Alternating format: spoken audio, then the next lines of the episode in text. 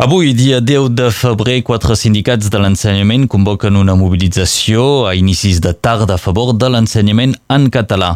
Amb el lema ja n'hi ha prou de la gestió desigual del català, el comunicat que han fet públic els sindicats recorda la necessitat de poder ensenyar en català i eh, també la resta de llengües dites regionals. Però els sindicats també denuncien que el compromís de l'Estat amb les llengües és només teòric, que a la pràctica les polítiques portades a terme fins ara no tenen com a objectiu objectiu, eh, només tenen com a objectiu el desmantellament de l'ensenyament eh, bilingüe on existeix. És una problemàtica que tractarem avui amb el nostre convidat Nacho Valenzuela. Bon dia. Hola, bon dia. Ensenyant de català i delegat sindical dels NES-FSU, participaràs a la mobilització d'avui. Exactament hem donat algunes pistes eh, dels motius que us porten a mobilitzar-nos. Explica'ns eh, doncs, les reivindicacions que tindreu avui. Doncs, eh, com sabeu, a Catalunya Nord és possible eh, fer els estudis de la maternal fins al, fins al terminal, fins al BAC, en, en català. Eh, aquests estudis estan regulats per una circular eh, que defineix el nombre d'hores que s'ha d'ensenyar cada disciplina i, en particular, el nombre d'hores que s'han d'ensenyar en llengua regional. Uh, llavors aquesta circular diu, per exemple, que la història i geografia són 3 hores, que les matemàtiques són 3 hores i mitja, uh, que les arts plàstiques són una hora, etc i que el català són 3 hores. El problema és que uh, avui en dia um, aquestes 3 hores, aquesta circular no es respecta. Doncs tenim una mica a tot arreu del, del, del territori uh, situacions molt diferents. Uh, uh, alguns col·legis, per exemple, tenim dues hores, en altres tenim 3 hores, en altres tenim 3 hores amb dos nivells uh, barrejats, i llavors el que nosaltres demanem és que es respecti aquest document, que és un document reglamentari que uh, regula l'ensenyament del, del, del català. De fet, uh, això que depèn, trobeu que depèn massa de la voluntat dels caps de cada establiment? Sí, exactament. El que passa que, com, com sabeu, ens trobem en un moment de retallades de, de mitjans, de manera general, a, a, a l'educació, i aquestes retallades es fan sentir més fortament a l'ensenyament del, del, del català. És a dir, cada cap d'establiment rep eh, un número d'hores que li permet fer funcionar l'establiment i com no tenen prou hores, miren de retallar on es pot eh, i, i han determinat que es pot retallar el català i, i això no és possible, perquè hi ha un text reglamentari que diu que efectivament eh, s'han de donar, els alumnes, els alumnes han de rebre com a mínim 3 hores d'ensenyament de, de llengua, a més a més d'una disciplina no lingüística. En el cas de, de molts establiments, aquesta disciplina és la història i geografia.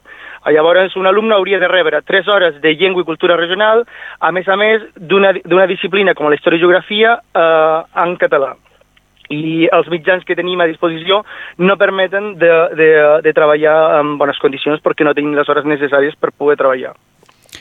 L'ensenyament bilingüe, evidentment, no és, uh, no és imposat als establiments, sinó que s'hi han de portar uh, voluntaris, han de mostrar bona voluntat, no?, en aquest sentit? No, és a dir, sí i no. Uh, existeix una, el que es diu una, una carta escolar, un, un mapa escolar on uh, el rectorat ha determinat que s'ha d'ensenyar en català. És a dir, si, si en, aquest, uh, en aquest mapa es diu que en aquest sector s'ha d'ensenyar català, s'ha d'ensenyar. És a dir, no és una voluntat, no és una opció. Eh?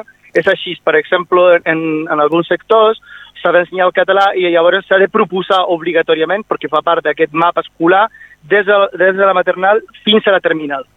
I això pot generar que hagin aparegut algunes reticències d'una banda o de l'altra? El problema és que um, amb aquesta gestió inigualitària que hem dit, amb aquesta gestió aleatòria de, de, del català, el que s'està produint és que els alumnes no, no tenen cap horitzó. És a dir, saben que començaran amb la maternal, però no saben si podran continuar l'escolaritat normalment fins a la terminal perquè sí. no hi ha prou hores. I això, clar, uh, uh, té una conseqüència que és que vam uh, anem perdent uh, efectius i, i és molt difícil continuar a proposar un ensenyament de, de, de qualitat als alumnes. De fet, això es tradueix i és molt visible amb, amb xifres. A l'escola primària, a prop de 12.000 mainatges gaudeixen d'un ensenyament en llengua eh, dita regional. Al col·legi són menys de 2.000, érem a 12.000 menys de 2.000 al col·legi i ja al liceu 400. Aquestes són les xifres? Exacte, i, i, i encara hem, hem fet una, una aproximació, perquè uh, encara és una mica menys, eh? però efectivament uh, l'ensenyament al primari uh, és molt important, però a mesura que els alumnes continuen el seu recorregut escolar, uh, els anem perdent, perquè no tenim prou mitjans per oferir uh, l'ensenyament que, que es necessita. Dieu clarament, doncs, que mm, és realment una, una voluntat, tot és fet a través del comunicat, diu, tot és fet veure, per organitzar la fugida dels alumnes. El, el que passa que, que, clar, que si no es donen els mitjans necessaris, és a dir, si es, es, es proposa, hi ha una política, que és aquesta política de proposar una llengua regional eh, als llocs on aquesta llengua existeix. En aquest cas és el català. Però si, si aquesta política no està acompanyada de mitjans, és com que no existeix, saps? És a dir, no, no hi ha prou uh, uh, elements per poder aportar a terme aquesta política. I, llavors, la conseqüència natural és que uh, uh, es perdin efectius uh, i, i, i no es pugui ensenyar.